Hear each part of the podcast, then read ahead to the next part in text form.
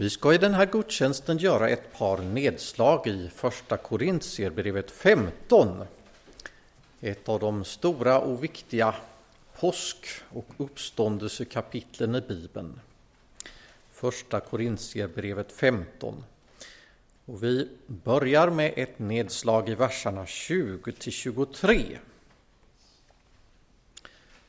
Nu har Kristus uppstått från de döda som förstlingen av de insomnade. Ty eftersom döden kom genom en människa så kom också de dödas uppståndelse genom en människa. Liksom i Adam alla dör, så ska också i Kristus alla göras levande. Men var och en i sin ordning, Kristus som förstlingen och sedan vid hans ankomst de som tillhör honom.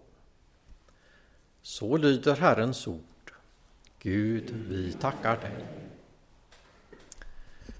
Jesu uppståndelse har för alltid förändrat vår verklighet.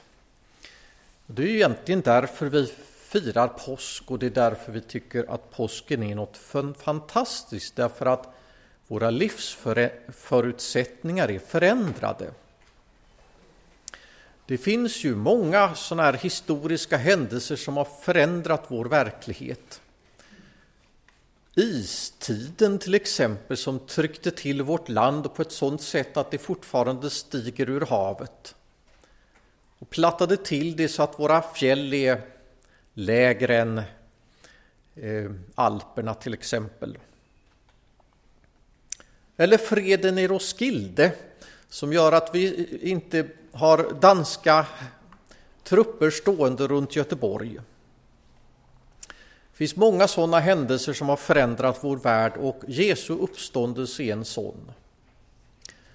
Jesus uppstod, hans kropp blev levande igen och därför kan vi hoppas på att vår kropp inte för alltid ska ligga i en grav utan att den också ska få bli levande på samma sätt som Jesu kropp den dag Jesus kommer tillbaka.